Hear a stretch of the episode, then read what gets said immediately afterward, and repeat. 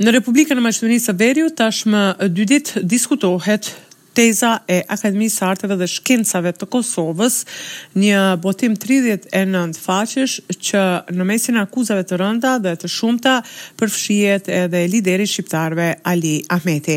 Ndonëse këto teza janë të papranueshme dhe të pabaza, Sipas analistëve politikë dhe njohësve të çështjeve politike, megjithatë, lideri Ahmeti në një koktej të rastit të organizuar nga partia e tij, në mesin e shumë të pranishmëve i është kundërpërgjigjur këtyre akuzave, duke thënë se nuk kemi tokë për të falur.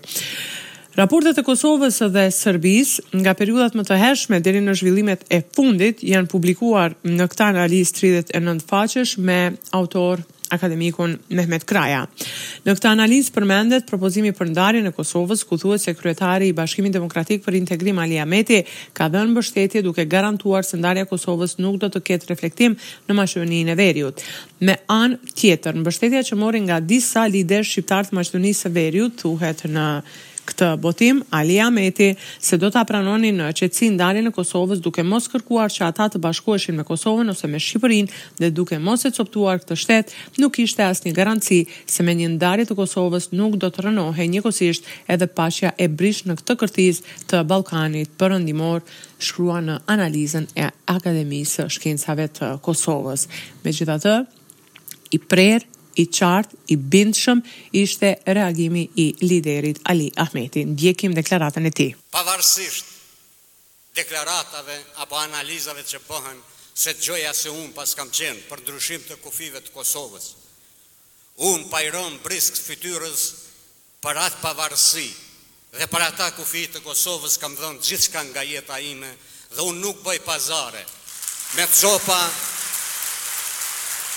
e grima të vendit që është gjak i gjakut tim, është gjak i shokëve të mi. Gjatë kësaj jave është mbajtur edhe takimi në Kuvendin e Republikës së Maqedonisë së Veriut në mes të Presidentit, i cili u është drejtuar deputetëve dhe kryetarit të Kuvendit, Talat Xhaferi. Presidenti i vendit gjatë fjalimit të tij të fundvitit ka nënvizuar besimin e ulët të qytetarëve tek institucionet shtetërore dhe ka thënë se demokracia është në rrezik serioz. Kur besimi në institucione është shumë i ulët, demokracia është në rrezik serioz. Kur klientalizmi dhe lojaliteti partiak janë kriter për punësim dhe përparim në karrierë, Nuk duhet të na befasojë dobësia e institucioneve.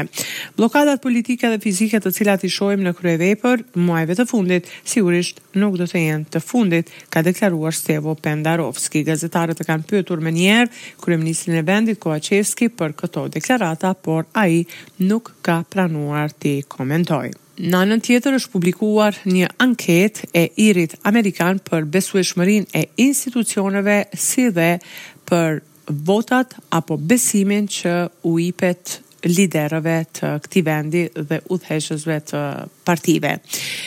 Besimi tek institucionet është shumë i ulët, ndërkaq në kampin politik shqiptar me besueshmërinë më të lartë ngelet Ali Ahmeti me gjashtë për qind. Pas anketave dhe rezultateve ku shifet se LSDM maqedonase aktualisht në pushtet është mjaft ulët me përqindje, kryeministri i vendit Kovaçevski ka thënë se zgjedhje nuk do të ketë dhe ato do të mbahen në vitin 2024. Për më tepër ndjekim deklaratën e tij, si dhe kundërpërgjigjen nga Kristian Mickoski nga VMRO-DPMNE. Nëse shohim rejtingun politik, atëherë edhe ajo është respektibil duke pasur parasysh periudhën dhjetë mujore të drejtimit me qeverinë. Sa i takon gjyqësorit, nuk do të përgjigjesha. Përfundimet duhet t'i shërbejnë secilit që preket nga ajo anketë, që të moderojë strategjinë dhe punën e tij në të ardhmen. Vlerësoj se politikat të cilat i ka kjo qeveri dhe partia ime do të sjellin rezultate shumë më të mira në anketën e ardhshme. Nëse më vota anketë tani e prajme mesësh në. Jo vetëm në atë anketë, ne bëjmë disa anketa në muaj dhe ata janë të qarta se për momentin me këto kushte, me këto rrethana dhe me diktat bullgar, nuk ka ndryshim të Kushtetutës. Është shumë e thjeshtë. Gjatë kësaj jave kanë vazhduar alarmet për bomba në shumë shkolla. Ministri për Punë të Brendshme Oliver Spasovski njoftoi se është formuar një ekip i cili do të përbëhet nga më shumë institucione dhe i cili do të ketë për detyrë të zbulojë dhe pengojë sulmet dhe kërcënimet kibernetike. Sipas tij, rasti me raportimet për bomba në Dellçevë është duke u zbardhur. Ai madje shpreson se ky rast do të zgjidhet shumë shpejt. Sidoqoftë, frika dhe kontrollet e rrepta janë në çdo institucion pas alarmeve për bomba. E në rrafshin kulturor, është mbajtur festivali Nota Fest, edicioni i 18 me radhë.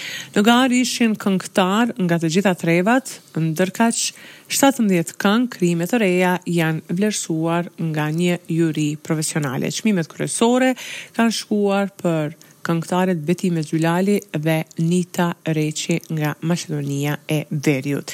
Ky festival është rikthyer pas shumë vitesh ndërprerje dhe përbën një prej festivaleve më të njohura në Republikën tonë, apo i vetmi i muzikës së lehtë që mbështetet nga Ministria e Kulturës dhe institucione relevante për ta vazhduar traditën si eveniment i nevojshëm për kulturën shqiptare në vendin tonë. Për Radion SBS raporton nga Republika e Maqedonisë së Veriut Besiana Mehmeti.